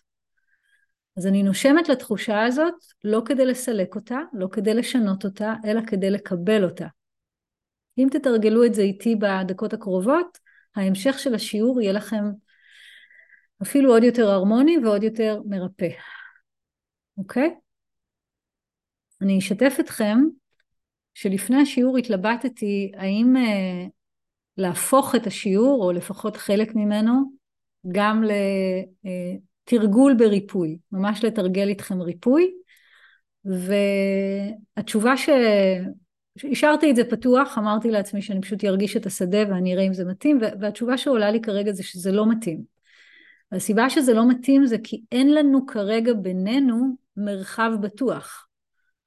אין לנו מרחב בטוח, אנחנו לא מכירים אחד את השני, יכול להיות שאתם מכירים אותי, אבל ביניכם אתם לא מכירים אחד את השני, וגם אין כאן במרחב מספיק זמן, משך השיעור הוא כרגע רק עוד 20 דקות, כדי באמת לצלול לתת מודע, לשהות עם רגש ואז לתקשר. אז מטבעו הכנס ריפוי, כמו שבניתי אותו במפגשים שנמשכים שעה וחצי, מטרתו לעורר השראה, לפתוח דלתות, להזמין לריפוי, להציע את המרחבים שלי כריפוי למי שירצה, להציע גם מרחבים אחרים, ולשחרר ולסמוך עליכם. אוקיי, אז זה כזה שיתוף ממני למה אני לא צוללת איתכם יותר לעומק, ובינתיים גם הופיעו שתי שאלות, איזה כיף. בואו נקרא אותן. אז השאלה הראשונה של מיכל, אשמח לשמוע עוד על השער לריפוי, איך לחקור אותו. בסדר גמור, זה הדבר הבא שאני הולכת לעשות. והשאלה השנייה, בשבועיים האחרונים בכיתי רק פעם אחת. אה, לא יודעת אם זה מתוקה או מתוק, אבל אה, תודה על השיתוף הזה. האם ריפוי אמיתי הכרחי שיעבור דרך פריקה של בכי? שאלה מעולה. אז אה, בואו בוא ננסה רגע לענות עליה. אמ, קודם כל באמת אפשר אה, להוריד את המרכאות מהמילה רק. כל אחד וכל אחת מאיתנו בוכים כמה שאנחנו יכולים, אוקיי? כמה שאנחנו יכולים, כמה שמתאים לנו.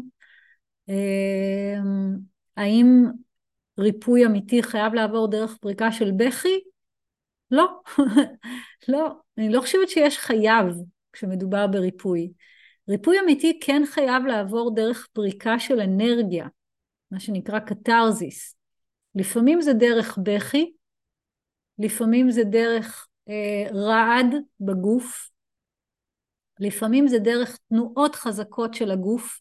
אני זוכרת שלב מסוים בריפוי אה, טראומה בעבר שלי, לא מזמן, אה, בוא נאמר לפני שנה, שנתיים, היה לי שלב בריפוי שהרגשתי כעס אדיר. ואז פשוט היו ימים שיש לי כאן מרחב בסלון שלי כזה גדול, שפשוט עשיתי תנועות ידיים ורגליים בשילוב עם אה, צעקה, כמו קאטות כאלה של אמני לחימה, קראטה, וזה הרגיש מאוד משחרר, זה פרק ממני אנרגיה. אז יש הרבה דרכים לפרוק אנרגיה, ובכי הוא רק אחת מהם. טוב לבכות, אבל לא הייתי רוצה שתהיה לך איזושהי, בהנחה שאני מדברת בשפה נקבית כי את אישה, ואם לא אז סליחה, אה, אני לא רוצה שתהיה לך גישה שיפוטית כלפי עצמך. ואני חושבת שיותר ויותר מתחזקת לי ההשערה, כרגע רובנו בתגובה של קיפאון סלש קהות חושים מול המצב, והסיבה היא שהטלטלה מתמשכת, בגלל שאנשים נעקרו מהבתים, בגלל שיש חטופים שאנחנו כולנו דואגים להם, אה, יש איזו תחושה של אי אפשר לחזור לחיות. ואז גם אי אפשר לפרוק את הרגשות, יש עדיין איזושהי החזקה שלהם. נראית לי תגובה מאוד טבעית. אמ, לאט לאט, לאט לאט. שאלה נוספת, אחרונה, לבינתיים, נשימה, איך מזהים אם בשלים לריפוי? אצלי באופן אישי עדיין קיימות אזעקות ויש פחד לנוע בחופשיות במרחב, אך מהצד השני התדירות שלהם יורדת. אוקיי, אוקיי. שאלה טובה. אה, תראי, אה, תראי או תראה. אתה יכול לזהות אם אתה בשל לריפוי, אם אתה רוצה ריפוי. אוקיי? זאת אומרת, אם אתה רוצה, אם, זה ממש עניין של אינטואיציה ורצון, זה לא רק עניין של אה, קו ראשון.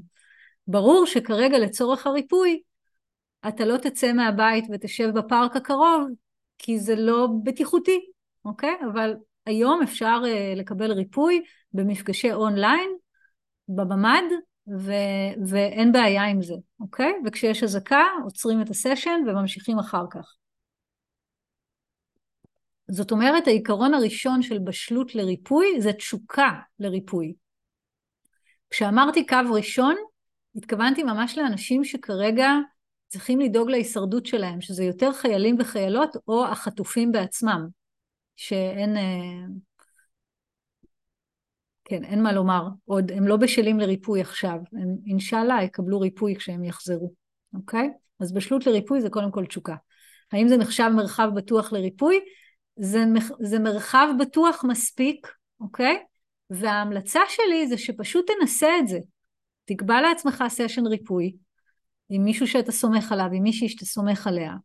תנסה, תרגיש את זה בגוף. אם תרגיש שהסשן תרם לך, גם בתוך הטירוף הזה שיש אזעקות בתדירות נמוכה, אז תדע שכדאי לעשות עוד אחד.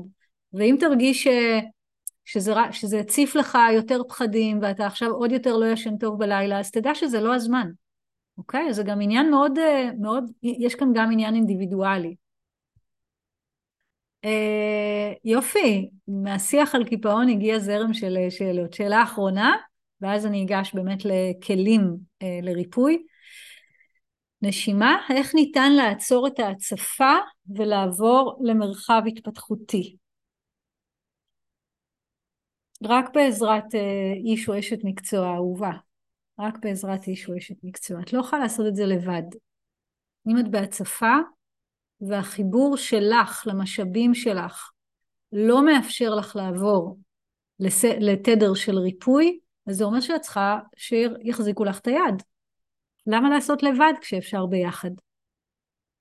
מה זה הצפה? זה כמו תביעה, זה כמו לטבוע. אם אני לא מצליחה למצוא את הכוחות לצאת מהמים, למרות שאני יודעת לשחות ואני רוצה לחיות, אז אני צריכה שיושיש, שיזרקו לי איזה גלגל הצלה. ויש היום כל כך הרבה גלגלי הצלה. יש היום אפשרות לקבל uh, סשנים בחינם, יש אפשרות לקבל סשנים בעלות מוזלת, יש אפשרות לקבל סשנים בעלות סמלית, יש כל כך הרבה. אז לא לעשות לבד את מה שנועדנו לעשות ביחד. מדובר בצונאמי. בצונאמי הביחד הוא זה שמרפא אותנו, לא לבד. אוקיי? זה שוב להבנתי. ואני אומרת את זה בתור uh, גם מתמחה בריפוי טראומה וגם בעצמי אני תמיד נתמכת על ידי מטפלים, למרות היכולות המקצועיות שלי. זה כל כך ברור לי שאני לא יכולה לבד ולא רוצה לבד. אז uh, כשיש הצפה, מבקשים עזרה, אוקיי? Uh, זה גם הזדמנות טובה להגיד שלמי שרוצה לקבל את התמיכה שלי, אז יש גם אפשרות לקבל ממני גם בזמן הזה סשנים אישיים וזוגיים, ויש גם אפשרות להצטרף לקבוצת אונליין למי שחי בממ"ד ויש אזעקות. אמ, אה, יש קבוצה שקורית מחר, יום רביעי, מ-6 עד 9, אה, אפשר לשלם על השיעור הראשון בדנה, כפי יכולתכם, לפי הרצון והיכולת, אה, ואז אחרי השיעור הראשון נראה, גם לפי הרצון והיכולת, נראה מה אפשרי ברמת התשלום. זה כן בתשלום, אבל שם זה גם קבוצה אינטימית יותר, לא כמו כנס ריפוי שיש בו 200 אנשים, קבוצה אינטימית יותר, שבה אפשר ממש להכיר אחד את השני, יושבים במצלמות פתוחות, מדברים מהלב, צוללים ביחד לתת מודע, מקבלים ממני תמיכה מקצועית. אה, וזה כמובן רק ההצעה שלי, יש היום אין סוף מטפלים ומטפלות שרוצים אה, וגם זקוקים לעבודה, וזה חלק מהמשאב שלנו. אז אה, כן, מומלץ. יאללה, אני עוברת לחלק האחרון, שזה כלים להתמודדות. הכלי הראשון להתמודדות, הוא הכלי הבסיסי ביותר, נקרא תיקוף, תיקוף ולידיישן, אוקיי? מה זה אומר? הדבר הראשון שיכול לעזור לנו להתמודד עם הסיטואציה שאנחנו נמצאים בה כרגע, זה לתקף לעצמנו, גם בקול רם, גם בכתב זה יכול להיות, גם בשיחה עם חבר חברה, לתקף את מה שאני מרגיש, מרגישה ואת מה שאני מתמודדת איתו. למשל, נגיד שעכשיו יש אזעקה, וזה מבהיל אותי באופן טבעי, אני, כשאני מרגישה שאני מסוגלת, אני אגיד לעצמי, עכשיו, כדי להוציא את עצמי מהפריז, אוקיי? אם אני ישר בורחת לממ"ד, זו התמודדות טובה, אוקיי? זה מה שאני צריכה לעשות. אבל אם אני קפואה, אז זה יעזור שאני אגיד לעצמי, דורית, יש עכשיו אזעקה, תרימי את עצמך, קחי בקבוק מים, קחי את הטלפון, סגרי את הדלת, סגרי את החלון, ממש לדבר לעצמי בקול רם, לדבר את המציאות, לתאר לעצמי את מה שעצמי חובה, אוקיי? כדי להזרים דם, להזרים אנרגיה ולצאת מהקיפאון לפחות באופן חלקי כדי שאני אוכל לפעול, אוקיי? זה ממש כשאני צריכה להגן על החיים שלי, אוקיי? הטכניקה הבסיסית הזאת של תיקוף היא נכונה גם לרגע שהוא לא כזה אקוטי. כמו למשל, אה, אני אגיד לעצמי, אה, אה, לא אכלתי היום מהבוקר, עכשיו אני הולכת למטבח להכין צהריים. עכשיו אני הולכת למטבח להכין ארוחת בוקר, אני צריכה לאכול. אז תיקוף הוא יכול להיות בלב, הוא יכול להיות בקול רם, לי מאוד עובד בקול רם, כשאני מרגישה שאני צריכה להוציא את עצמי מאיזשהו מצב מעורפל או מצב של הצפה, אז דיבור עצמי עוזר לי, ואם זה מרגיש לכם מוזר מדי, אז תלכו על אה, קול פנימי, זה, זה טוב באותה מידה, אוקיי? אני רוצה לתקף לעצמי את התחושות שלי, את הרגשות שלי, את הצרכים שלי, ואת מה שכדאי שאני אעשה עכשיו, אוקיי? אני באופן אישי משתמשת בטכניקה של תיקוף גם במצב שלום, לא רק בזמן משבר.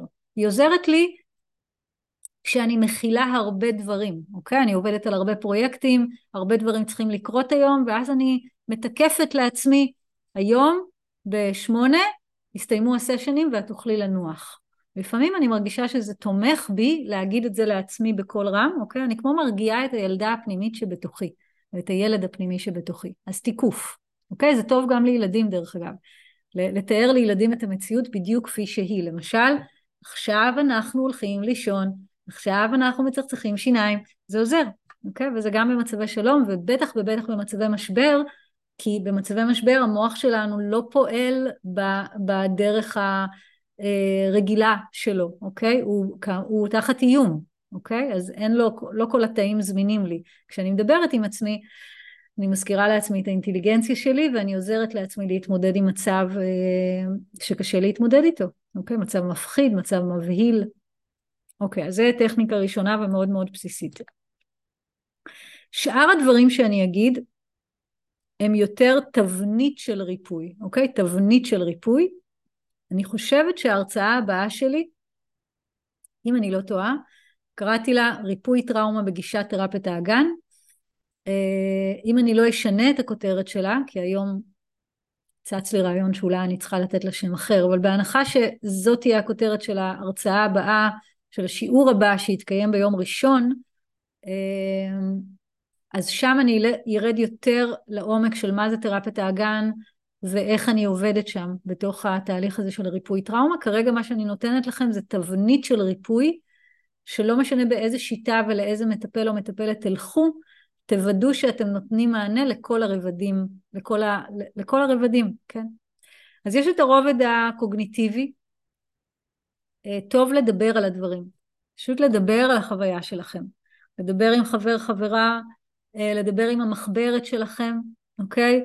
אה, לכתוב בקבוצת פייסבוק סגורה או איפה שאתם מרגישים שנכון לכם, פשוט לדבר את החוויה, גם את המחשבות, את הרגשות, את התחושות, לשפוך החוצה, אוקיי? על העיקרון הזה בנויה פסיכותרפיה, אה, ואני חושבת שזה רובד שהוא אה, בסיסי, וכמובן אפשר לעשות אותו גם במסגרת מקצועית, אבל אפשר גם לעשות אותו עם בן בת זוג בבית, עם חבר חברה, אוקיי?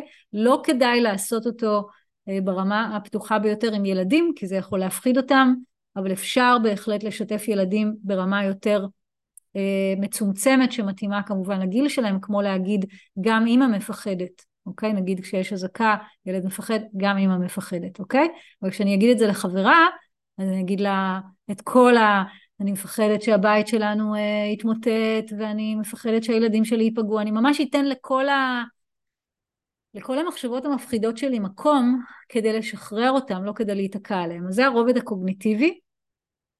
הרובד השני הוא הרובד הרגשי, הרובד של הקתרזיס שהזכרתי קודם, וברובד של הקתרזיס יכולים להיות כל מיני כלים אה, איך לעשות הקתרזיס, אני אזכיר רק חלק מהכלים ואתם כמובן יכולים גם אה, אה, להציע כאן בצ'אט עוד כלים וגם להמציא לעצמכם את הכלים שלכם. אז יש אנשים שהקתרזיס שלהם זה לצעוק, יש אנשים שהקתרזיס שלהם זה כמו שאמרתי תנועות חזקות של הגוף, בכי כמובן, אה, לקלל, זה גם קטרתי, לשבור, לשבור דברים, כמובן לא לפגוע באחרים. אה, לצייר יכול להיות קטרתי, לרקוד יכול להיות קטרתי, לשיר יכול להיות קטרזיס. מה עוד? מה עוד? מה עוד? לתופף, ברור, כן? כל סוג של מוזיקה יכולה להיות קטרתית. היא יכולה גם שלא, אוקיי? גם אפשר לנגן מוזיקה לא מאנרגיה של קתרזיס, אבל אם אני לוקחת איזה שיר כזה של, אה, שמוציא ממני מלא אנרגיה, ההרגשה היא נפלאה אחר כך. שחררתי מלא מלא אנרגיה רגשית, אוקיי? התנקיתי ממשהו. כדי שהקתרזיס יהיה מדויק לי, ו, ואני אוכל לצאת מהלופ הרב מערכתי הזה שכרגע כולנו נמצאים בו, אני צריכה להכיר את השער שלי לריפוי, אני צריכה לדעת על איזה טראומה בדיוק אני עובדת. אבל אם אני עדיין לא יודעת, וזה לא הזמן שלי כרגע לקבל תמיכה מקצועית, שזה בסדר גמור, אז כל סוג של קתרזיס פשוט יעשה לי הרגשה טובה. כל סוג של קתרזיס יעשה לי הרגשה טובה. אז uh, תבחרו את הקתרזיס שלכם uh, ותעשו אותו, אוקיי? אז זה הרובד השני, קוגניציה, לדבר על הדברים, uh, לשחרר אותם בצורה מילולית, לכתוב אותם. רגש, זה השכבה השנייה, קתרזיס מכל מיני סוגים. אה, והרובד הבא הוא רובד סומטי, רובד גופני, אני רוצה לשחרר את הכאב מתוך הגוף. אה, התמקדות, שיטה של התמקדות עובדת עם הגוף, somatic אה, experiencing גם עובדת עם הגוף, יוגה תרפיה, ובהקשר הזה אני מאמינה שגם דרך יוטיוב אתם יכולים להגיע לכל מיני סשנים של יוגה תרפיה ולתרגל בעצמכם. אה, פראניאמה, שזה תרגולי נשימה שהם אה, אה, ענף של היוגה, נהדר, נהדר, זה כלי סומטי אנרגטי שמשחרר מלא מלא אנרגיה, אפילו אחרי עשר דקות של פרנה ימה, אתם תרגישו יותר טוב, מי שהמושג הזה פרנה ימה זר לו, תעשו על זה גוגל אחר כך, זה פשוט צורות נשימה ספציפיות עם האף, עם הבטן, עם בית החזה, שעוזרים לנו אה, לשחרר אנרגיה מיותרת מהגוף ולהתחבר לנשימה אה, נקייה, פתוחה, רחבה. ועכשיו שהרבה מאיתנו מתמודדים עם קהות חושים וקיפאון, פראניאמה זה מצוין. אה, ריברסינג זו עוד שיטה טיפולית שעובדת עם הגוף, תרפיית האגן, שזאת השיטה שלי, שיטה שאני מפתחת. אה, אני מנסה לחשוב על עוד כלים סומטיים גם ריקוד יכול להיות כלי גופני, אוקיי? הוא גם קתרטי והוא גם גופני. כלומר, החלוקה בין קוגניטיבי רגשי גופני היא גם לפעמים מתערבבת, אוקיי? אמ, אז אה, תעשו מה שמתאים לכם, כן? העיקר שמה שחשוב זה שתוודאו שאתם נותנים מענה לתשוקה שלכם לריפוי מכל הרבדים. גם לדבר על זה, גם לשחרר רגשות, גם לעבוד עם הגוף, ככל שתעבדו עם יותר שכבות, ככה הריפוי, יותר שכבות של התודעה, של המבנה של, שלנו כאנשים, ככה הריפוי יקרה ברמות יותר עמוקות, אוקיי? ותזכרו, ואת זה הסברתי ביום ראשון, מאוד ממליצה להקשיב לשיחה של יום ראשון, בחירה בחיים, בחירה בריפוי. הסברתי למה חשוב לעבור דרך כל ארבע, ארבע השכבות, וגם הסברתי שהשכבה העמוקה ביותר שבתוכה נתקעת הפוסט טראומה מהעבר שמתעוררת לחיים כתוצאה מהטראומה הקולקטיבית שכרגע כולנו עוברים, זה בגוף. זאת אומרת שהכלים הסומטיים הם הכלים החשובים ביותר, אבל לא הייתי מוותרת גם על הכלים הקוגניטיביים והכלים הרגשיים. אוקיי? זאת אומרת, לא הייתי ניגשת רק לכלים סומטיים, הייתי משלבת גם לדבר על זה, גם לשחרר את זה דרך רג, רגשות, ביטוי רגשי אה, פעיל, מה שנקרא קתרזיס, וגם דרך עבודה סומטית. אנחנו יצורים שלמים, אנחנו גם גוף וגם נפש וגם אנרגיה, אוקיי?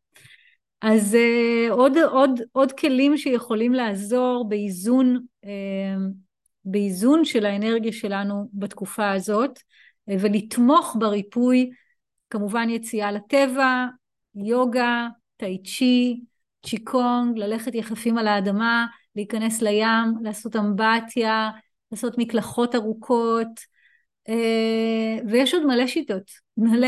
אני, אני אגיד לכם שאני אשים גם לינק לזה בקבוצה של הכנס בוואטסאפ. לפני כמה ימים כתבתי כזה פוסט בפייסבוק, highlight כזה, אה, ביקשתי מהחברים שלי, שתפו אותי בטכניקות שאתם מכירים להרגעת מערכת העצבים. ונוצר פוסט מתגלגל כזה של מלא מלא מלא מלא עשרות תגובות אה, אז תסתכלו על הפוסט הזה יש שם עוד כמה הצעות ההצעות ההצעה הזאת להרגיע את מערכת העצבים זה בעיניי זה פחות כלי לריפוי זה יותר משאב זה יותר לבנות את הכוח שלי כדי שאני אוכל למצוא את המרחב ואת הזמן להתמסר לריפוי. אבל בתקופה הזאת לא כולנו יכולים להתמסר לריפוי, כולנו רוצים וזקוקים להרגיע את מערכת העצבים, כי זו תקופה נורא מלחיצה, נורא נורא מלחיצה. אז לפחות, גם אם כרגע זה לא הזמן שלנו לצלול לפוסט טראומה מהעבר, לפחות תרגיעו את מערכת העצבים, כמה שאתם יכולים. ואם קשה לכם לבד, תבקשו עזרה. תזכרו שיש באמת אין סוף מטפלים כרגע שרבים מהם מציעים את הקליניקה שלהם ללא עלות, אה, מתוך תחושת ייעוד והתמסרות לייעוד ושירות לקהילה, אוקיי? אז כל אחד עושה מה שהוא יכול, אני עושה את הכנס הזה, יש אנשים שנותנים סשנים במתנה, אל תישארו לבד, זה הכי חשוב. Uh, מילים אחרונות, גם אתם, זה זמן טוב אם יש לכם שאלות אז תכתבו, ואני בינתיים אעשה איזה סוג של משפט או שתיים אחרון.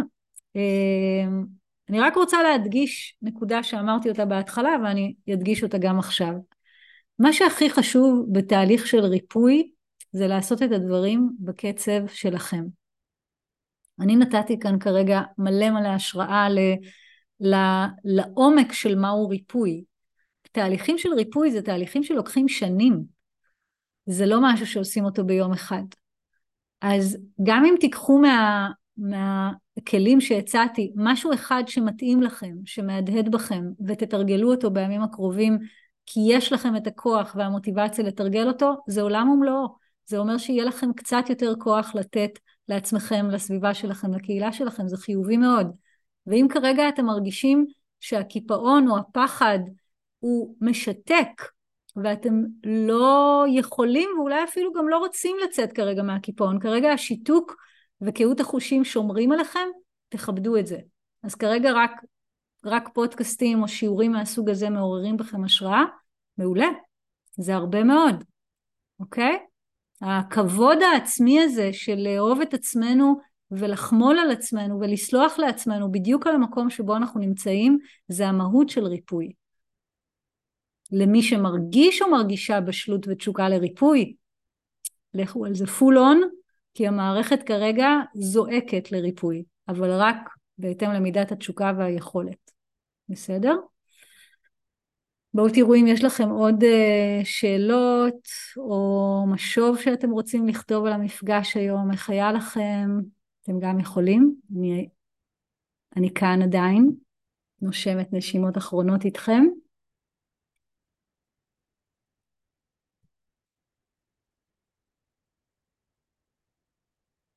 אני גם מציצה בינתיים על השורה אה, של השיעורים של הכנס, לראות באיזה נושא השיעור הבא. אולי בינתיים למישהו מכם תהיה שאלה, שאלה לסיום.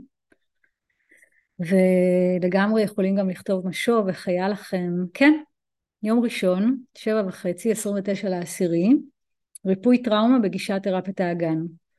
אה, אני שומרת לעצמי את הזכות, נראה לי טבעי כשעושים כזה כנס, אה, שאולי הנושא של השיעור יהיה אחר, אבל אני מבטיחה לפרסם את זה ולעדכן ולהודיע, בסדר? בכל מקרה הוא יעסוק בריפוי. אני רוצה לבדוק את זה, רוצה לבדוק מה, מה, מה משרת אותי, מה משרת אתכם. אה, תודה על המשובים, איזה כיף. אתם יודעים, זה לקרוא את זה, זה הפידבק שלי. אז תודה על כל המילים החמות. אני עכשיו אשב בנחת עם כוס מים ואני אקרא את כל מה שכתבתם.